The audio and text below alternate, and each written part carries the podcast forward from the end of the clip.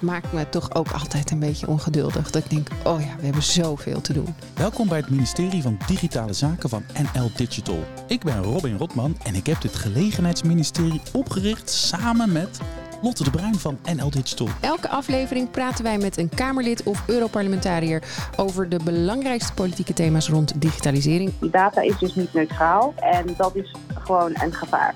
En zo worden er ongelijkheden in stand gehouden en zo worden er ook um, ja, ongelijkheden worden er gecreëerd. Vandaag is de gast Samira Rafaela, Europarlementariër van D66. Samira, ik stel jou even kort voor aan de luisteraars. Jij bent opgegroeid in Uitgeest. Na de middelbare school heb je bestuurskunde gestudeerd aan de Universiteit in Leiden. Daar specialiseerde je in de oorzaken van radicalisering en terrorisme. Je werkte bij de stad Amsterdam, de nationale eh, politie en sinds 2019 bij het Europees Parlement, waar je een stem wilt geven aan een nieuwe generatie Europeanen. En vandaag gaan we het hebben over diversiteit en inclusie. Dat is een onderwerp waar ook mijn hart heel erg ligt. Ja, leuk Samira. Uh, fijn dat je, dat je er bent. Je hebt allemaal leuke, toffe dingen gedaan. Uh, voor Lotte is dit natuurlijk een hartstikke belangrijk onderwerp. We hebben het er regelmatig over. Ze was heel erg blij dat we het met jou hierover gingen hebben. Het is belangrijk, hè, diversiteit en inclusie. Zeker, het is heel belangrijk. Um, en zeker als het gaat om de onderwerpen waar ik natuurlijk zelf mee bezig ben in het Europees Parlement. Uh, dus uh, ik benader bijvoorbeeld vanuit mijn uh, lidmaatschap van de commissie Mensenrechten, waar ik heel erg mee bezig hou met eh, technologie, AI. Ehm, en zorgen dat dat dus ook inclusief genoeg is. Over AI, dat is eigenlijk mijn allereerste vraag. Hè? Kijk, kunstmatige intelligentie, daar kan je alle kanten mee op. Je hoort uh, talloze verhalen dat uh, kunstmatige intelligentie wel eens een bedreiging kan zijn voor uh, diversiteit en inclusie.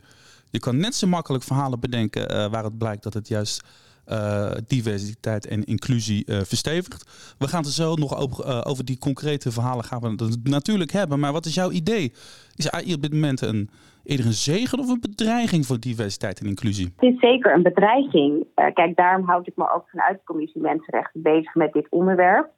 Um, wat je natuurlijk ziet is dat ja, deze technologie uh, te maken heeft met uh, algoritmen. Um, waarvan je kan zeggen dat die dus bepaalde vooroordelen over mensen in de samenleving hebben. Mm -hmm. En vervolgens um, gaan ja, machines, uh, computers, um, het tal van instrumenten gaan dus aan de slag met dit soort datasets. Ja, en die geven natuurlijk ook een, een beeld weer van hoe de maatschappij er dan volgens die datasets uitziet. En dat kan heel benadelend werken, dus heel negatief werken voor uh, bepaalde groepen in de samenleving. Uh, die worden daardoor dus benadeeld. Dat gaat een beetje over die algoritmes die zeg maar gaan profilen of zo, of, of whatever. Maar dat, ja. de, de, de, kern is hier een beetje, uh, uh, de, de, term die volgens mij vaak gebruikt wordt is, uh, stop je de garbage in. Dan krijg je er garbage, komt er dan ook weer uit. Dus als je je eigen vooroordelen al dan niet bewust inprogrammeert in de algoritmes, ja, dan versterk je dat eigenlijk alleen maar, wordt het, wordt het alleen maar groter. Mm -hmm. en, en, en jij zegt, Samira, dat dat dat dat vaker gebeurt? Dat dat risico groter is dan, dan, dan, dan, dat het goed gaat? Is dat eigenlijk wat je zegt? Of is het meer dat je daar juist de meeste focus op hebt? Kijk, dat de data als neutraal wordt gezien, dat is gewoon niet terecht. En dat is wat ik dus bevecht. Die data is dus niet neutraal. Um, en dat is gewoon een gevaar.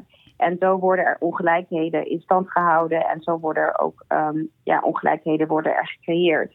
Mm -hmm. um, en wat er dus uit onderzoek is gebleken, is dat bijvoorbeeld mensen van kleur uh, benadeeld worden door dit soort technolo technologieën. Dus denk ook aan etnisch profileren, uh, wat hierdoor in de hand wordt gewerkt op het moment dat politieautoriteiten of veiligheidsdiensten uh, met AI aan de slag gaan.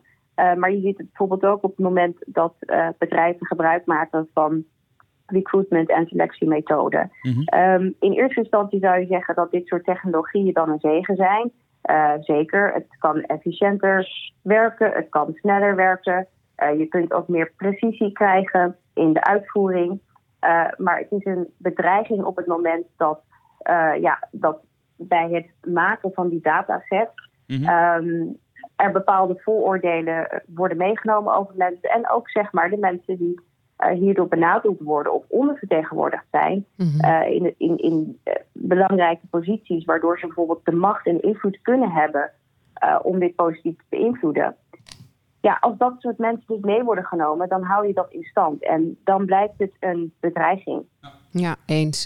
Kijk, uh, um, data is niet neutraal, dat moeten we ons realiseren. dat is altijd gebaseerd op historie. En historie is, hè, historische data is zeker niet, zeker niet neutraal. Ik denk wel dat als je kunstmatige intelligentie juist ook inzet om die patronen en die vooroordelen te herkennen, dat je er dan op een hele positieve manier van gebruik kunt maken. Dus het is zoals ieder middel kan je het voor goed en voor slecht inzetten. Hier ligt wel heel erg op de loer. En dat, als het bijvoorbeeld gaat om uh, genderdiversiteit, heet het de gender data gap. Nou ja, of dat nou gaat over het testen van medicijnen of het herkennen van iemand met een andere huidskleur of uh, de temperatuur in gebouwen, hè, die is afgestemd op het mannenlijf. Uh, oh, ja, Veiligheid, ja, de, de standaard temperatuur in kantoorgebouwen is gebaseerd op het metabolisme van de gemiddelde man, niet van een vrouw. Daarom hebben de meeste vrouwen het koud op kantoor. Zitten altijd met, met dekens om zich heen. En, uh, en bij mannen, of als het gaat om veiligheid in auto's, dat de crash test dummies uh, is. Ja, die ken ik wel. Ja, dat is een mannelijke bouw. Waardoor je als vrouw echt uh, het, ja, volgens mij is het 17% meer kans hebt om te overlijden. Dat zijn heftige cijfers. En dat heet dan de gender data gap. Nou, dat heb je op alle vlakken. Dat heb je op alle diversiteitsterreinen. Heb je die data gap.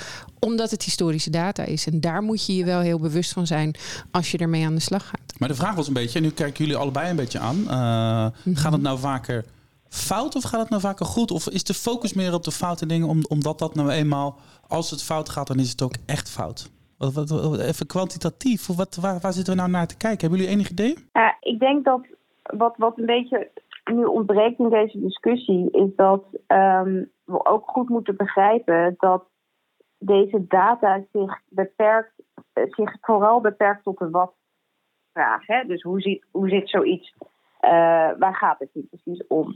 En er wordt niet gekeken naar de nuance. Bijvoorbeeld in het geval van uh, van cijfers waaruit dan blijkt uh, dat je meer mensen met een uh, migratieachtergrond uh, vertegenwoordigd ziet in de criminaliteit. daar wordt dan bijvoorbeeld niet tegenover gezet dat een politieorganisatie um, ook gewoon aan etnisch profileren doet, om welke andere redenen dan ook.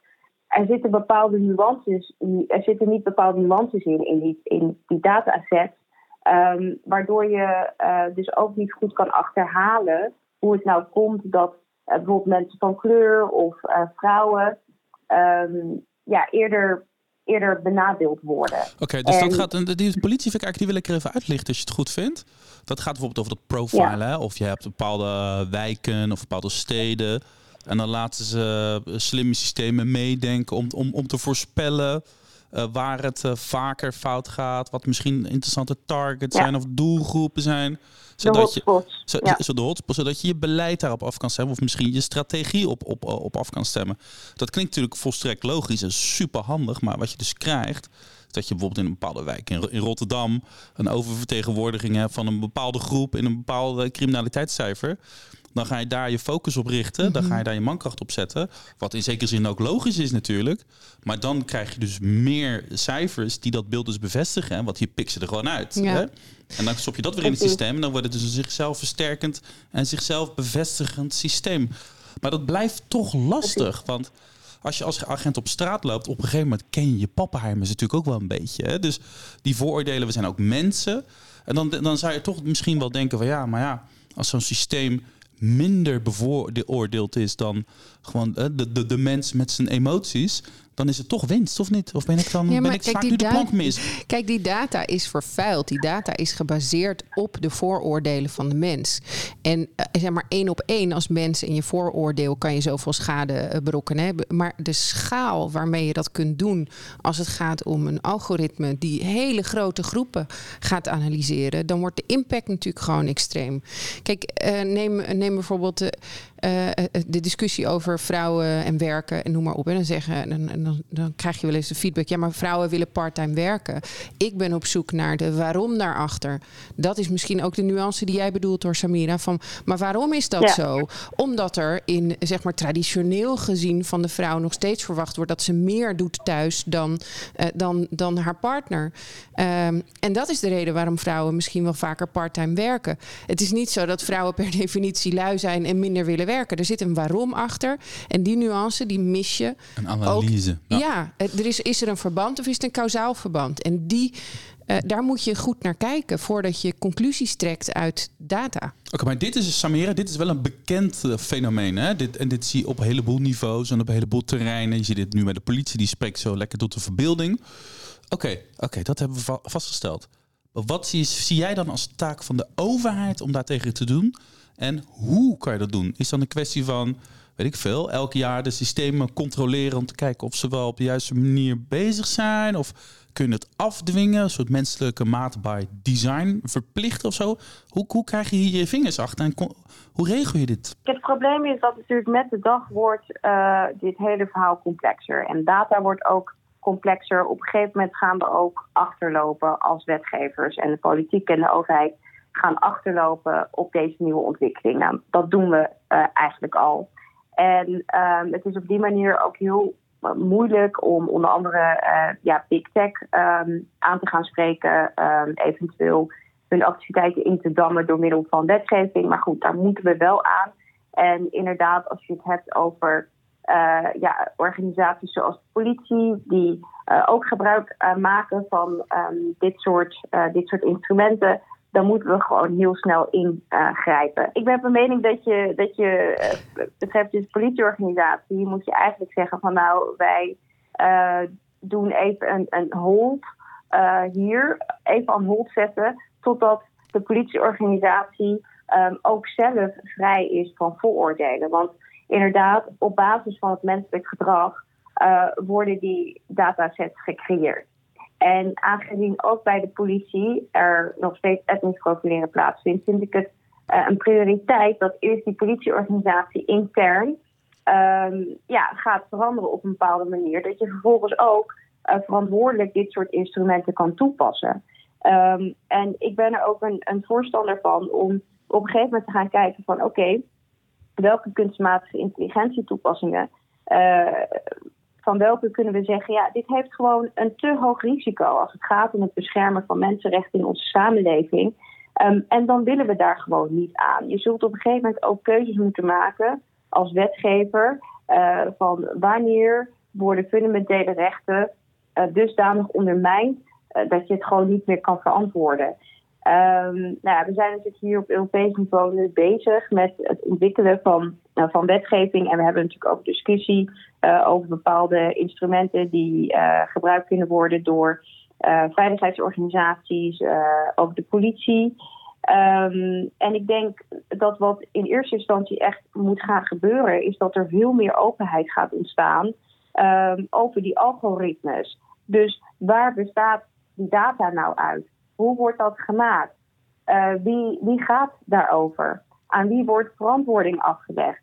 Uh, veel meer monitoren, evalueren hoe dat nu zit uh, met die data waar men gebruik van maakt. En dat is nu wel echt topprioriteit. Een prioriteit waartoe we nu moeten oproepen in Europa. Maar, maar pleit je dan voor een soort Europese AI-toezichthouder of zo? Want dat bestaat volgens mij nog niet, toch?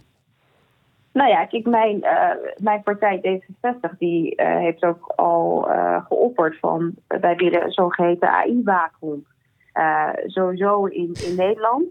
maar wat mij betreft doen we dat natuurlijk ook op, op Europees niveau. Er is ook het is in, gewoon heel erg belangrijk in het coalitieakkoord is er ook extra, is volgens mij 3 miljoen uh, uh, vrijgemaakt voor deze algoritme AI-toezichthouder. Uh, of dat onder de autoriteit persoonsgegevens gaat vallen of elders, weet ik niet. Maar daar is inderdaad al, al, al budget voor vrijgemaakt. Maar, maar ik heb een vraag over wat jij zei over. Um, eigenlijk zou je dan in het voorbeeld van de politie het middel AI niet uh, moeten willen toepassen totdat je zeker weet dat er um, een mate van neutraliteit is. Hè? Dus dat je dat, die vooroordelen in kaart hebt. Dat vind ik in die zin fascinerend, want als het bijvoorbeeld gaat om privacy en je hebt de AVG, zeggen we natuurlijk ook niet: um, jij mag geen data uh, verwerken, omdat we niet zeker weten dat je je privacy goed geborgd hebt. Dus is, uh, zouden we niet gewoon hele duidelijke randvoorwaarden moeten hebben waaraan je moet voldoen als je uh, gebruik wil maken van kunstmatige intelligentie. Dus die neutraliteit waarborgen, dat garbage in, garbage out. Uh, en op handhaven op het moment dat je dat niet doet. Dat is anders dan van tevoren zeggen, jij mag daar geen gebruik van maken. Maar ik hoor jou zeggen dat als het gaat om, ja, zeg even, cruciale rollen, zoals bij de politie of in de zorg of bij de Belastingdienst, hè, even een actueel thema. bij de overheid inderdaad. Bij de overheid ja, ja, ja. In, in de volle breedte zeg je, daar zou ik eigenlijk een stapje verder in willen gaan. Ja, maar ik vind het wel, ik vind het wel interessant wat je nu uh, zegt over privacy. Kijk, ook in uh, het geval van. Uh, ook, ook als het gaat om het privacy-vraagstuk, mm -hmm. wat natuurlijk een fundamenteel recht is van individuele burgers, ook daar kan je stellen dat we vrij laat erachteraan gelopen zijn. Hè? Ik bedoel, de huidige wetten die we ja. kennen om, om privacy te waarborgen, dat is ook, zoals in deze situatie, was dat ook een soort van repair. Hè? Dus we moesten mhm. de realiteit inhalen en daar natuurlijk snel wetten voor gaan maken. En maar goed ook. Eens. Uh, Dus kijk, dat vind ik ook de gemiste kans hier. Um, we lopen er weer achteraan. We laten ons ook als wetgevers en politici, vind ik, gewoon domineren door big tech met name. Um, en ja, dat, dat is gewoon dat is verkeerd. En nu kun je nog uh, bewijzen van, zeker op het gebied van veiligheid. Ik heb natuurlijk zelf daarin een achtergrond. Uh, dus ik weet gewoon heel goed hoe, hoe enorm risicovol het is als dit soort organisaties niet op een verantwoordelijke manier gebruik maken met deze technologieën. Mm-hmm. En daarom zeg ik nu van, nou, je kan nog kijken waar je kan ingrijpen en je kan het gewoon nog even, uh, vind ik, op pauze zetten. Ja. Je zegt eigenlijk gewoon, we gaan gewoon vanaf de, vanaf de basis opnieuw beginnen. En we gaan gewoon eventjes weer, we, zetten, we resetten de boel een beetje. En we gaan gewoon eventjes, we zetten de tellers op nul. En we beginnen gewoon even opnieuw. Ja. Dat is eigenlijk wat je zegt, hè? Ja. ja, en inderdaad, je moet ook aan, aan een raamwerk gaan van voorwaarden gaan werken. Dus er moeten uh, ja, bepaalde criteria moeten ontwikkeld gaan worden. Um, Amnesty heeft dat ook al uh, wel vaker geroepen. Een mensenrechtentoets. Ik ben daar zelf ook voorstander van, zo'n mensenrechtentoets. Um, ja, en we hebben natuurlijk uh, een hele schijnende situatie. Mm -hmm. uh, hebben we nu hè, in de Nederlandse geschiedenis. Doel, um, ja, kindertoeslag, kindertoeslagenaffaire. Ja. dat is een voorbeeld van hoe dit soort technologieën uh, ja, debet kunnen zijn aan, uh, aan, aan grove schendingen van fundamentele rechten van individuele burgers. -hmm. We hebben een leuk rubriekje meegenomen, Samira. Als ik minister van Digitale Zaken was. Ja, en die bestaat uit twee ja-nee-vragen en twee open vragen. Je mag kort antwoord geven en dan kunnen we daarna nog eventjes inzoomen op een eventuele toelichting. Ik begin met de ja-nee-vragen. De eerste is, als ik minister van Digitale Zaken was, dan zou ik flink extra investeren in de aanpak van cybercrime. Ja. Dan de tweede vraag. Als ik minister van Digitale Zaken was, dan zou ik het mogelijk maken dat elke Nederlander zich gratis kan omscholen naar een beroep met, of naar een digitaal beroep moet ik zeggen, met toekomstperspectief. je, je hoort gewoon iedereen vastlopen in het hoofd bij het woordje gratis, hè? Ja, misschien. Daarom is hij ook zo mooi. Nou, het gaat mij niet om het woordje gratis, maar het gaat mij eerder om uh, zich willen hebben op wat dan precies de behoefte is. Uh, voordat je daar extra in gaat investeren. Maar goed, als, mens, als, als die behoefte groot is en, en significant aanwezig is, ja, waarom niet? Alright, dan hebben we de, de, toelichting al een beetje gehad op deze. Dan door naar de open vragen. Wat hoop je als minister van Digitale Zaken dat digitalisering Nederland brengt in de komende tien jaar? Mm -hmm. Nou, kijk, ik heb natuurlijk altijd voor ogen um, of er ook sprake is van sociale ongelijkheid of in ieder geval sociale gelijkheid uh, bij alles wat ik in mijn werk doe. En um, als het gaat om ja, digitalisering en wat we in de toekomst kunnen verwachten, vind ik het heel erg belangrijk dat iedereen in de samenleving natuurlijk toegang heeft tot de nieuwe technologieën en ehm, ja, ook weet om te gaan met digitalisering. Ehm, dat is natuurlijk wel een, een uitdaging op dit moment. Uh, veel mensen in de samenleving komen daar niet in mee, omdat ze bijvoorbeeld niet begrijpen uh, of omdat ze gewoon ja, de middelen niet hebben. Ehm, of omdat ze geen toegang hebben, omdat ze ja, in armoede leven of in een andere moeilijke situatie mhm. zitten. En tegelijkertijd wordt de samenleving met de dag meer digitaal.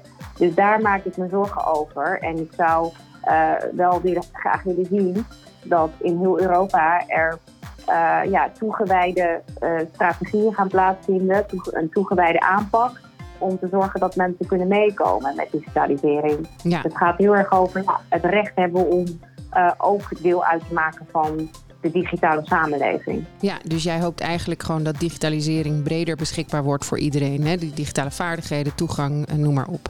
Dan de laatste vraag. Eh, van welke ontwikkeling in digitale technologie word jij als minister van Digitale Zaken ontzettend blij? Dus dat is meer een persoonlijke vraag.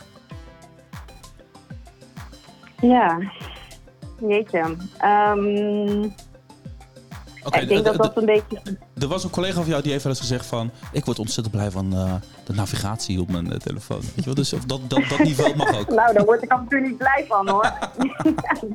ik doe het soms niet goed. Ik weet niet wat er soms aan de hand is. Er was laatst iemand op het spoor beland uh, door de navigatie te volgen. Ja, zeker. Ja, inderdaad. Nou ja, um, ik denk dat ik het vooral heel fijn vind dat je...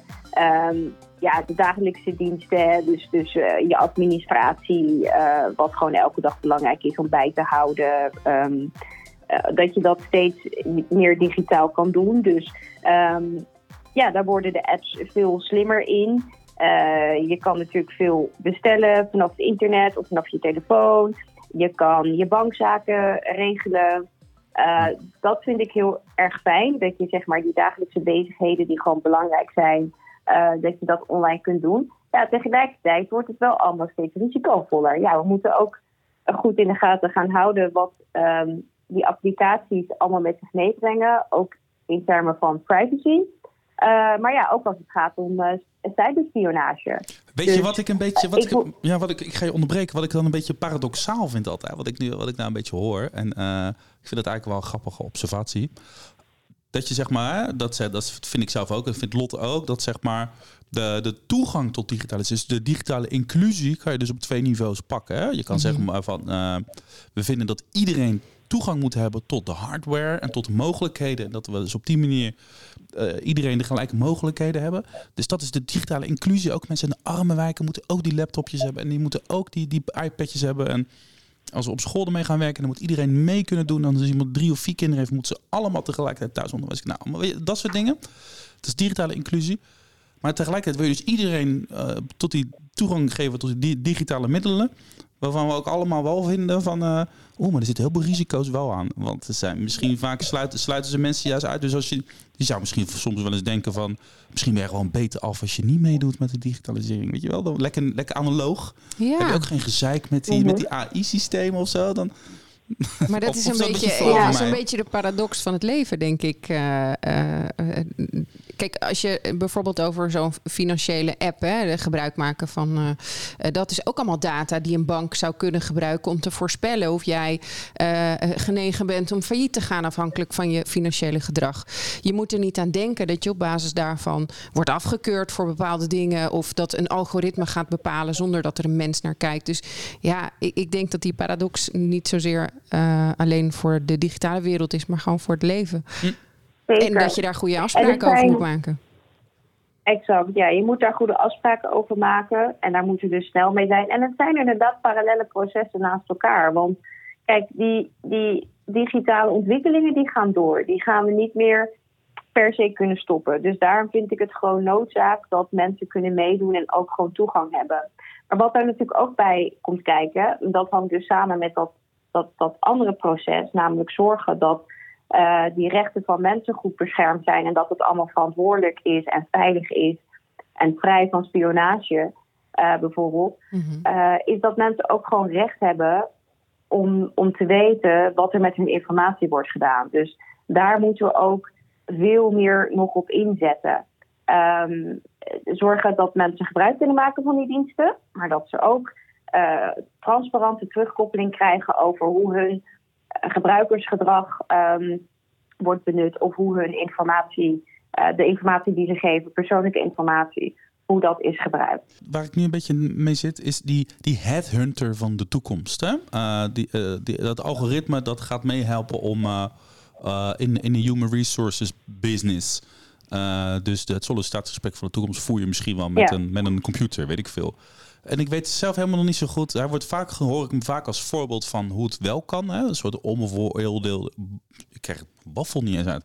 Onbevooroordeelde systeem dat gewoon echt eerlijk kan beoordelen of iemand wel of niet geschikt is voor een bepaalde functie, dat het daar vaak goed gaat. Maar ik hoor ook best wel vaak verhalen van, oeh, moeten we oppassen, want je maakt geen schijn van kans natuurlijk meer als je niet iemand in de ogen kan kijken en hem gewoon uh, je verhaal vertellen. Het gaat vaak ook over intermenselijk contact. Het gaat over gut feeling en intuïtie misschien ook wel. Help me even jongens. Wat is nou hier de uit? Wat, wat moeten we, gaan we nou technologie hier gebruiken voor een inclusievere werkvloer? Mm -hmm. Samira, wil jij eerst? Uh, ik denk, Ja, zeker. Ik denk dat dat overal waar uh, intermenselijk contact moet plaatsvinden, dus of dat nu tussen politie en de burger is, of dat nu um, tussen um, de, de belastingdienstmedewerker is die een dossier moet beoordelen van gezin X. Uh, ik zou zeggen, pak even die telefoon op, interesseer je in mensen oprecht en vraag wat er aan de hand is. Uh, nou ja, overal waar dit soort contact plaats moet vinden, moet je gewoon de juiste balans vinden tussen dit soort technologieën, maar ook gewoon de mens die aanwezig is. Dus ook in een selectieprocedure moet uiteindelijk aan het einde van, dat is mijn mening, aan het einde van de mhm. rit moet er gewoon een persoon zitten, inderdaad, die dat persoonlijke gesprek kan hebben. Die op basis van uh, de data die is verkregen, uh, toch nog een eigen oordeel kan maken ik vind het ook vanuit het veiligheidsperspectief, die discussie wordt nu ook gevoerd, wie, wie drukt op een gegeven moment op de knop? Wie maakt bepaalde besluiten? Als je dat in het veiligheidsperspectief plaatst, ehm, eh, dan, dan, dan moeten we heel goed nadenken hierover. Dan moet per definitie, vind ik, altijd de mens uh, de eindbeslissing maken. Dit gaat dus, over, dit gaat over dus, uh, wat is, welke positie geef je de, de machine in het proces? Hè? En waar zet je jezelf als mens nog? Hè? Uh, dat heet geloof ik in, in de loop, out of the loop. Nou, dat, mhm. Hoe zit jij daarin, Lotte? Hoe kijk jij daarnaar? Ja, ben ik het helemaal mee eens. Ik kan me goed voorstellen dat het elkaar versterkt. Maar als ik kijk naar, ik bedoel, ik, ben, ik sta ook aan het hoofd van een organisatie. Wij hebben vaak vacatures openstaan. En, die, en als we dat dan delen, iedereen kijkt daar anders naar. Dus op basis van iemands perspectief kunnen ze zeggen van ja, ik denk niet dat dit past. Maar als ik er naar kijk, denk ik, goh, vind het eigenlijk wel interessant. En, en als je. Uh, um, zeg maar die headhunting, die, dat algoritme zo kunt gebruiken omdat je van tevoren weet dat die bias, die vooroordelen eruit zijn gehaald, denk ik dat je een hele interessante selectie krijgt. Waarna ik inderdaad ook gewoon heel erg geloof in dat je een mens moet hebben die hier naar kijkt. Of dat nou gaat om medische keuzes, financiële zaken of dit soort HR-kwesties het gaat om de synergie. Dat je één, die, die technologie kunt inzetten als je zeker weet dat die neutraal is voor een bepaalde selectie. Waar je misschien helemaal niet toe zou komen als mens, omdat wij ook bevooroordeeld zijn. En daarna heb je gewoon je, eh, je geweten, je, je emoties, iets wat een algoritme niet heeft. En dat is een, denk ik een goede combinatie. Maar is dit dan iets wat je dan uh, wettelijk zou moeten vastleggen, Samira? Dat je zeg maar het hele idee van computer says no, hè? dat je dus als een soort burger of als een soort de, de klant uh, daarmee te maken hebt en weerloos bent eigenlijk? Of dat, dat, dat je zegt, we, we spreken gewoon af per wet. Uiteindelijk is er, zit er aan het einde van de streep zit er een mens en die is uiteindelijk altijd aanspreekbaar op, de, uh, op het besluit. Zoiets? Kan je dat, zou je dat juridisch moeten vast of moeten dichttimmeren? Ja, ik denk wel dat je op een bepaalde manier dat recht van een individuele burger moet, moet regelen. Ja. Dus dat dat, dat wel uh, dat, dat, dat, dat zo'n besluit bijvoorbeeld uitgedaagd kan worden. Het, het liefst mijn voorkeur gaat er naar uit dat er dat bepaalde sectoren worden geïdentificeerd. Uh, die gebruik gaan maken van, of al gebruik maken van deze technologie. Ehm, en dat dan bewijzen van ja, dat dan bij wet bijvoorbeeld zou, geregeld zou kunnen worden dat er wel degelijk uh, ja, een mens aan de eindknop zit uh, ter bescherming van de fundamentele rechten van individuele burgers. Ik denk wel uh, dat, dat wij als wetgevers op die manier daarnaar moeten gaan kijken in hoe, hoe ver we daarin willen gaan um, en wat we daarin zouden kunnen doen. Ja. Nou, mooi. mooi. je zou een soort impact assessment moeten doen. Hè, van wat, wat de impact is van een foute keuze van een algoritme op je grondrechten of, gewoon op je, op je mensen zijn. En dat is in de ene sector is dat heftiger dan de andere. Dat kan ik me goed voorstellen. Zou dat, je daar een soort eigenlijk gelaagdheid in maakt. Um, ja, ik denk dat je in sommige beroepen heb je gewoon meer impact dan andere. We hebben ze al genoemd, de zorg, de politie. Uh, dus dat daar extra controle is op neutraliteit, dat lijkt mij. Uh, een hele goede zaak, als ik eerlijk ben. Ja. ja. En ik ben sowieso een voorstander van impact assessment. Mm gewoon ja, brede impact assessment en vrijwel voor ja, elk soort uh, dienst en technologie uh, die gewoon gebruik hiervan maakt. Uh, ik vind dat je altijd een, een, een assessment dusdanig moet uitvoeren voordat je die markt opgaat of voordat je er gebruik van maakt als overheid. Uh, want je, je, moet dat gewoon van tevoren toetsen. Uh, als je dat niet doet, vind ik het gewoon onverantwoordelijk worden. Lotte, heb jij weer zo'n fijne vraag uit jouw achterban meegenomen? Heb ik. Wie was er gelukkige dit keer? Hester Baan. Zij is HR-director bij Contia. En haar vraag is: wat zijn de plannen vanuit de Europese Unie om diversiteit en inclusie te bevorderen? Is er bijvoorbeeld een totaalplan met een bepaalde focus per onderwerp per jaar, waar het bedrijfsleven ook haar eigen plannen aan kan verbinden? Er is een anti-racisme actieplan gelanceerd door de Europese Commissie.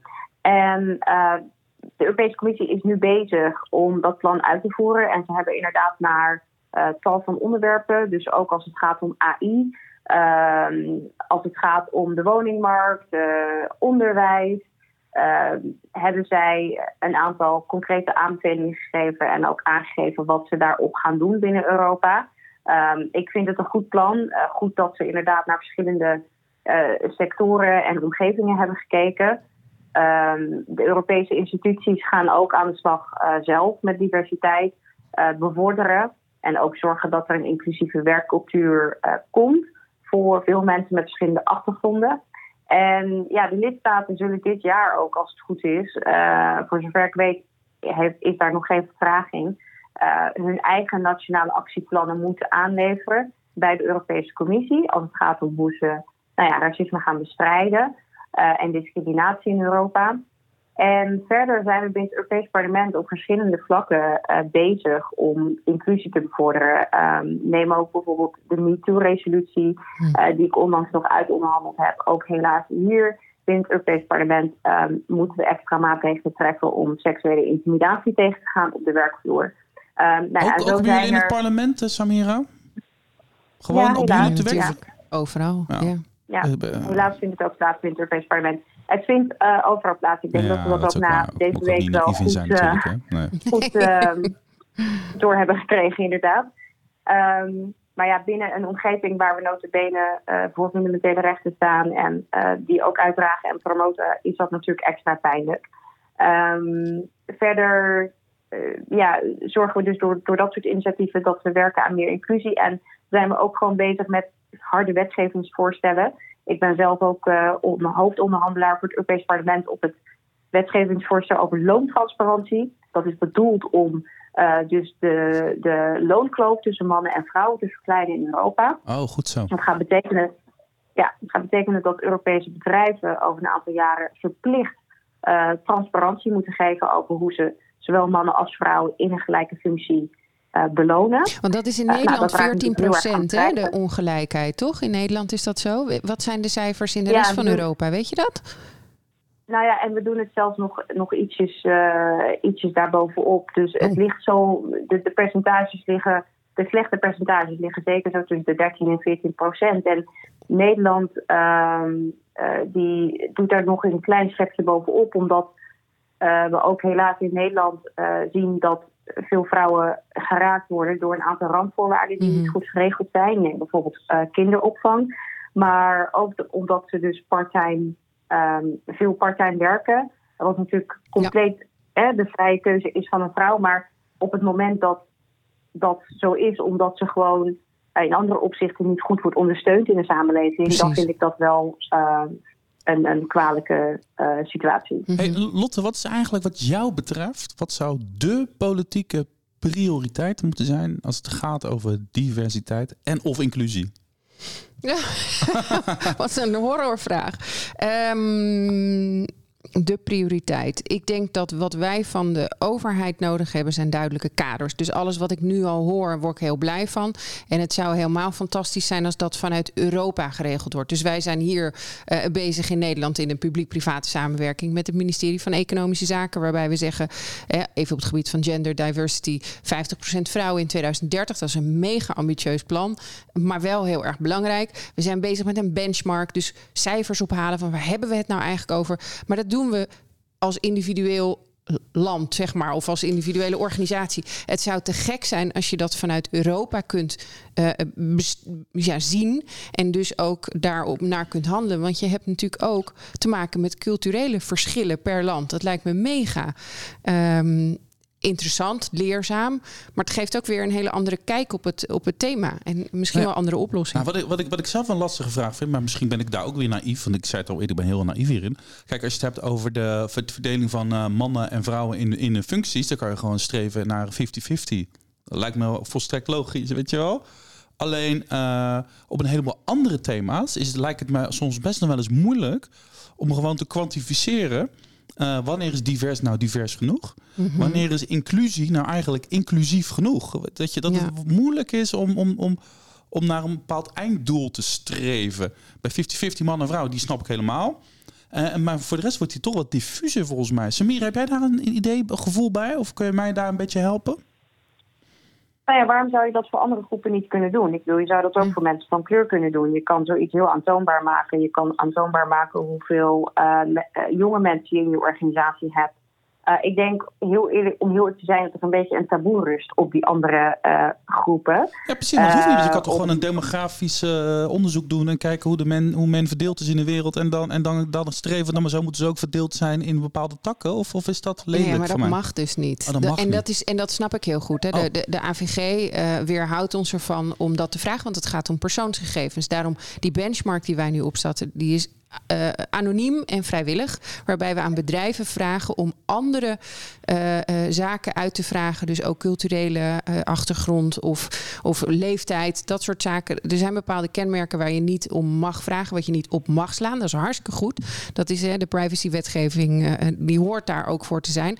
Alleen belemmert het ons hierin in het meten, zodat je weet van hoe groot is dit probleem eigenlijk. Want het enige waar we nu naar kijken is man-vrouw. Leeftijd kan ook nog. Maar dat is natuurlijk dat is natuurlijk het tipje van de ijsberg. Er zijn zoveel meer diversiteitskwesties. Ja. En jij zegt net eh, van ja, 50-50 in het huis, in het huishouden moet toch haalbaar zijn. Maar zolang het nog steeds zo is dat het kinderdagverblijf de vrouw belt als, als, als het kind ziek is.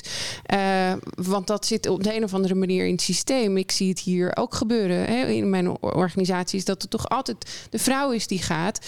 Dan is het niet 50-50. Samira, hoe kunnen we dit nou oplossen? Hoe kunnen we dat dan kwantificeerbaar maken? Want we willen toch niet hebben dat onze streven naar privacy, onze streven naar diversiteit in de weg zit. Nee, dat is inderdaad een, dilemma. Maar ik denk toch dat er een beetje een taboe rust op het benoemen van andere vormen van diversiteit af en toe. Um, en ik denk dat we moeten starten met gewoon de open en eerlijke gesprekken binnen onze bedrijven en omgevingen. Van, nou, we kunnen toch wel hier in één oogopslag zien dat er eh, wel echt wel wat minder mensen van kleur zijn. Ik bedoel, weet je, ziet ja. dingen ook gewoon. Hè? Ik laat het niet net doen alsof het allemaal zo, zo onzichtbaar is. Nee. Uh, je ziet het namelijk ook als je, uh, als je een, een, een, een, foto van een bestuur van een uh, bedrijf ziet en je ziet alleen maar mannen. Dan zie je ook dat er Tuurlijk. geen vrouwen in zitten. Dus, um, dus ja, we moeten een beetje meer, vind ik, uit de lichtelijke taboesfeer hier omtrent. En ik denk dat je ja, op andere manieren kunt blijven stimuleren om inzicht te krijgen uh, in dat soort informatie. Dus je kunt natuurlijk ook uh, vragen aan mensen of ze vrijwillig dit soort data zouden willen geven. je kunt um, surveys kun je organiseren, dus, sorry, onderzoeken kun je organiseren binnen je organisatie.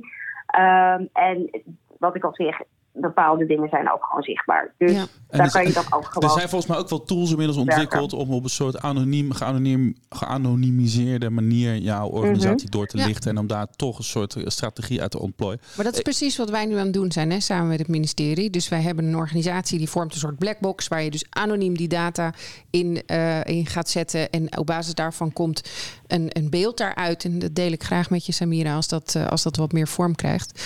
Uh, want dat is precies wat we aan het doen zijn. Uh, tot slot. Alleen, ja? ik vind dat niet een lange termijn oplossing. Hè? Kijk, uiteindelijk moet natuurlijk wel gewoon de, de Samira's en de Mohammed en de Fatima's, die moeten wel gewoon op een gegeven moment kunnen, kunnen opdagen daar bij een sollicitatie en gewoon met, met hun eigen naam kunnen solliciteren. Tuurlijk. Überhaupt gewoon worden uitgenodigd. Daar kunnen, uh, daar kunnen opdagen en op een uh, feitelijke, op een objectieve manier worden benaderd ook. Op een mhm. gegeven moment is dat natuurlijk wel gewoon de toekomst. Hè? Dus dat anoniem solliciteren, daar ben ik op dit moment ben ik daar een voorstander van, omdat het uh, een hele grote noodzaak heeft, helaas. Er worden heel veel mensen van kleur uh, worden benadeeld, gediscrimineerd, uitgesloten op de arbeidsmarkt. Dus dat is nu nodig. Net als dat ik zeg van we moeten ook een vrouwenquotum hebben, want het is nodig dat vrouwen nu aan de top van de organisaties komen. Het gaat gewoon niet snel genoeg. Mhm. Nou, vind ik dit ook, eh, heb ik hier dezelfde redenering. Maar op lange termijn kan het niet zo zijn dat wij dit soort ja, instrumenten continu maar moeten blijven inzetten. Op, op lange termijn moet het een, uh, een non-issue worden. En culturen ook veranderen. Ja, ja eens. Helemaal eens. Nou, Lotte, ben je een beetje tevreden zo? Diversiteit en inclusie? Ja, Eindelijk hebben we het er even goed over gehad, hè? Ja, we hebben het er goed over gehad. Vind ik heerlijk. En normaal gesproken is het een deel van de podcast. Dus ik vind dat heerlijk. Maar het maakt me toch ook altijd een beetje ongeduldig. Dat ik denk, oh ja, we hebben zoveel te doen. Zoveel. En soms, ja, uh, ja dat, dat, dat voel ik nu ook. Van, we hebben zoveel je wordt, te je, doen. je wordt een beetje ongeduldig van. Ja, dat is ook goed, want dat kan je omzetten in actie. Um, uh, maar wat ik al zei, weet je, het tipje van de ijsberg. Het is zo groot. En um, um, nou, dat laat ik me niet door ontmoedigen, absoluut niet. Uh, daar word ik alleen maar vuriger van, maar het is, het is wel veel. Nou, gelukkig hebben we types zoals Samira daar zit. En ik ben wel een beetje wijzer geworden. Ja, het is gewoon goed om je bewust te zijn. We hebben allemaal, ik, ik ook hè, met, met de rol die ik nu vervul, vervul in de samenleving en realiseer me ook dat ik op een bepaalde manier uh, een functionaire heb. Uh, en het is belangrijk dat, dat we ons allemaal realiseren wat functionaires zijn in de samenleving. Om vanuit daaruit ook te kunnen redeneren van oké, weet je, wat, wat maken anderen wel mee? Uh, en ik niet, omdat ik dat privilege heb. En dat begint bij dit soort gesprekken, uh, waardoor we ook bewustwording uh, onder elkaar creëren. Samira Rafaela, dankjewel voor, jou, uh, voor jouw bijdrage aan deze podcastserie Europarlementariër namens D66. Lotte, als Samira nou al die andere podcasts wil terugluisteren... En, mm -hmm. en als die andere luisteraars ook al die andere podcasts ja. willen, willen terugluisteren... van al die collega's van Samira in de Tweede Kamer en in Brussel... Waar moet ze dan zijn? Dan ga je naar www.hetministerie van Digitale Zaken.nl of je favoriete podcast app. Dankjewel Samira, tot de volgende keer. Dankjewel. Dankjewel.